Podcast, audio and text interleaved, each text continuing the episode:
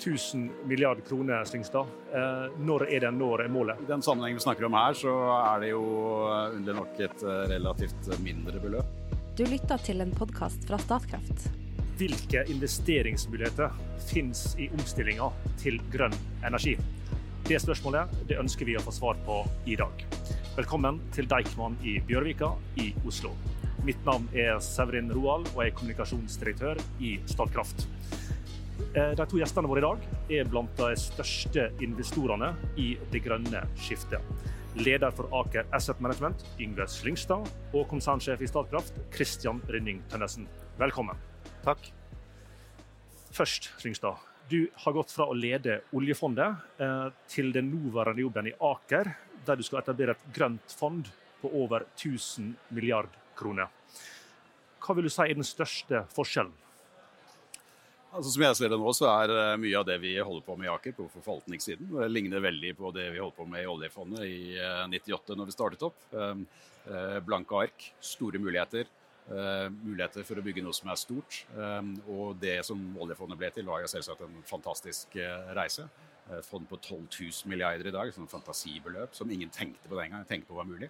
Det vi har begynt med i Aker nå, er å se på det grønne skiftet. Se på alle de store investeringene som skal inn. Se hvor stort potensialet det er. Se hva vi kan gjøre ved å knytte oss opp med de beste spillerne, de beste industriaktørene, og bygge forvaltning på toppen av det.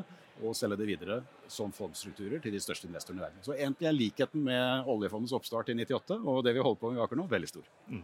Oljefondet hadde jo sterke offentlige eh, begrensninger. Eh, hva er begrensningene i Aker?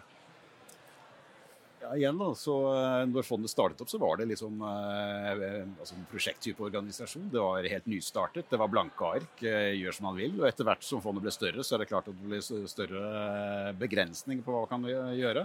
Og det er jo selvsagt en nødvendighet i det. Det er så mye penger forventer en annen type skal vi kalle det, stabilitet i hva man gjør. Det som vi gjør nå, er jo mulighetsrommet ganske stort med hensyn til å finne ny teknologi skal vi investere i med hensyn til å finne eh, voksne bedrifter som er eh, i ferd med å ta nisjer i markedet, og med hensyn til først og fremst de store infrastrukturprosjektene som er i ferd med å komme opp, både på grønn energi, men også på grønn industri. Mm. Når du og teamet ditt skal jakte grønne investeringer, hva er det en typisk ser etter? Alle investorer vil jo ha eh, høyest mulig avkastning og lavest mulig risiko. I dette markedet så eh, er det på den nye teknologisiden spørsmål om teknologien eh, faktisk vil være den beste og mest lønnsomme. Så det er relativt enkelt spørsmål. Med hensyn til investering i de store infrastrukturprosjektene, så er det først og fremst den langsiktige strømprisrisikoen, hvordan du skal håndtere den, som er det viktigste spørsmålet. Kristian Renning Tønnesen, du leder det største fornybarselskapet i Europa. Hva er viktig for Statkraft når selskapet skal jakte gode og grønne investeringer? Ja, Statkraft vi har utviklet oss til å bli et stort fornybarselskap. og Vi er veldig store i det vi opererer og driver og den strømmen vi produserer hver dag. Men der hvor utfordringene våre kanskje er aller størst nå, det er å bygge kapasitet eh, for å konstruere nye prosjekter. Og vi er godt i gang. Vi har som mål å komme opp i en investeringstakt som tilsvarer 40-50 prosjekter i året, altså nesten én i uken, tre år fra nå. Og Det er en utbyggingstakt som langt overskrider vår egen finansielle evne. Så allerede i dag så selger vi ca. halvparten av de prosjektene vi, vi bygger. Men eh, det er jo ikke ukomplisert å skulle bygge opp en så stor eh, investeringsevne. Vi, det, det, å bygge vår egen organisasjon er vel kanskje en av de største utfordringene. Og den andre er å finne nok gode prosjekter i markedet.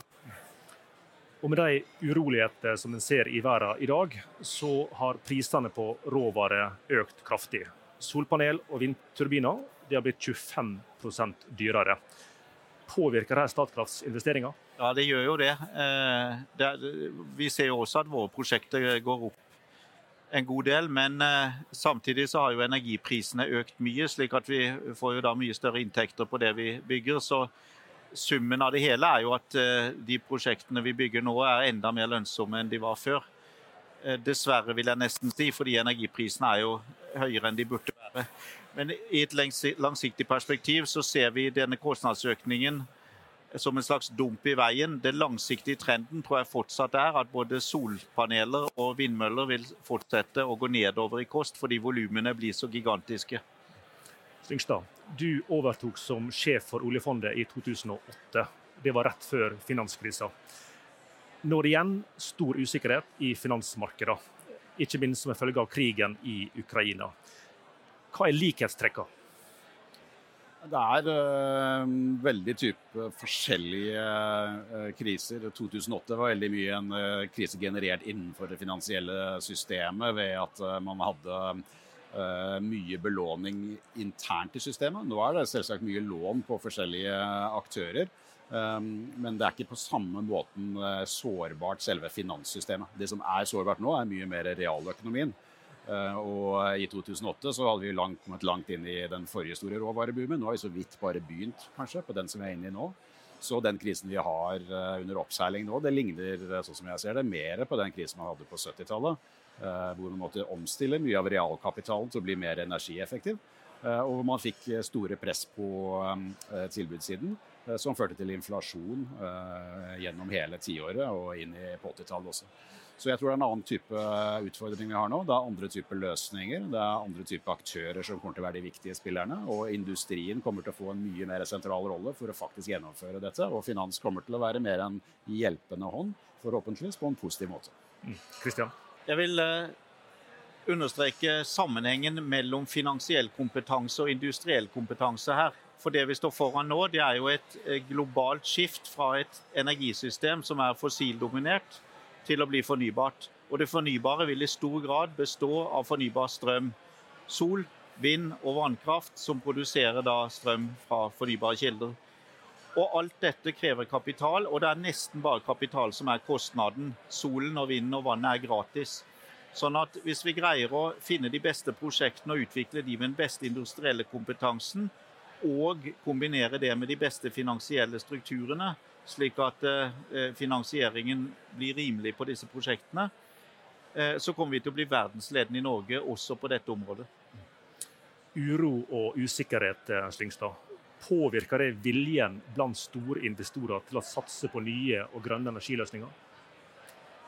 Det er jo alltid sånn at Hvis du har en uh, stor oppside, så er det ofte en stor nedside også. Så uh, Det kommer til å bli investert enormt mye kapital i energiskiftet, i det store industriskiftet som kommer.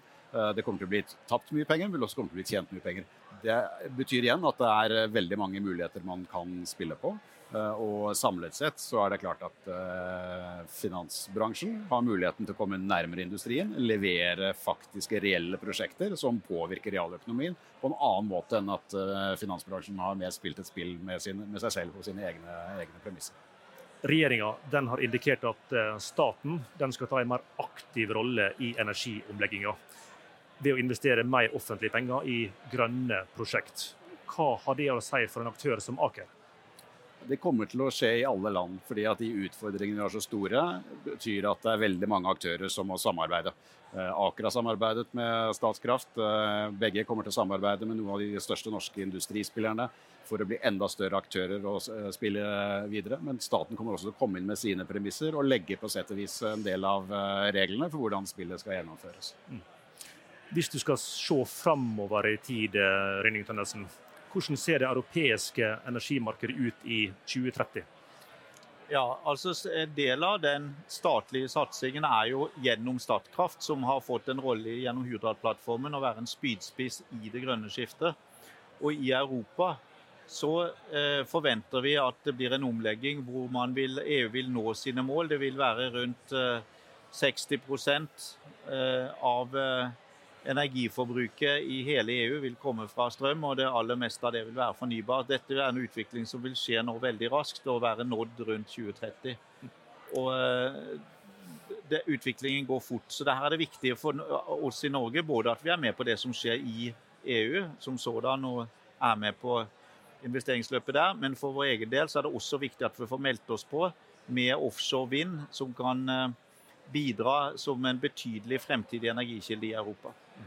Når er det vi kan eh, se for oss et eh, tilnærmet fossilfritt Europa? Jeg tror det er mulig innen 2050, eh, slik målsettingen er. Net zero. Det betyr jo ikke at det vil være null fossil energi, det vil fortsatt være noe. Men det vil være andre prosesser som er karbonnegative, hvor man greier å trekke ut og lagre karbon i bakken, slik at det da totalt sett går i null. Klimaendringene er bare en så enorm utfordring for verden, og Europa ligger fremst i å ha erkjent det. at jeg tror drivkraften er så, så kraftig og erkjennelsen er så stor at dette vil, eh, vil, vil faktisk skje. 1000 milliarder kroner, Slyngstad. Eh, når er det når målet? I den sammenhengen vi snakker om her, så er det jo underlig nok et eh, relativt mindre beløp. De store infrastrukturfondene som kommer opp allerede i dag, eh, begynner jo å ha den eh, størrelsen. Så det som skjer med denne type forvaltning, er at det blir relativt færre forvaltere, men også mye større fond.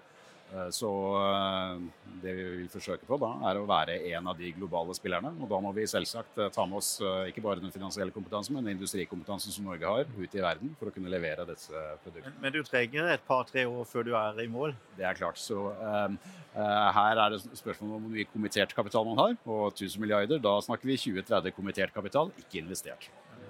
Tusen takk, Ingve Slyngstad, og til Christian Rynning Tønnesen for denne praten om jakten på grønne investeringer. Du har lytta til en podkast fra Statkraft.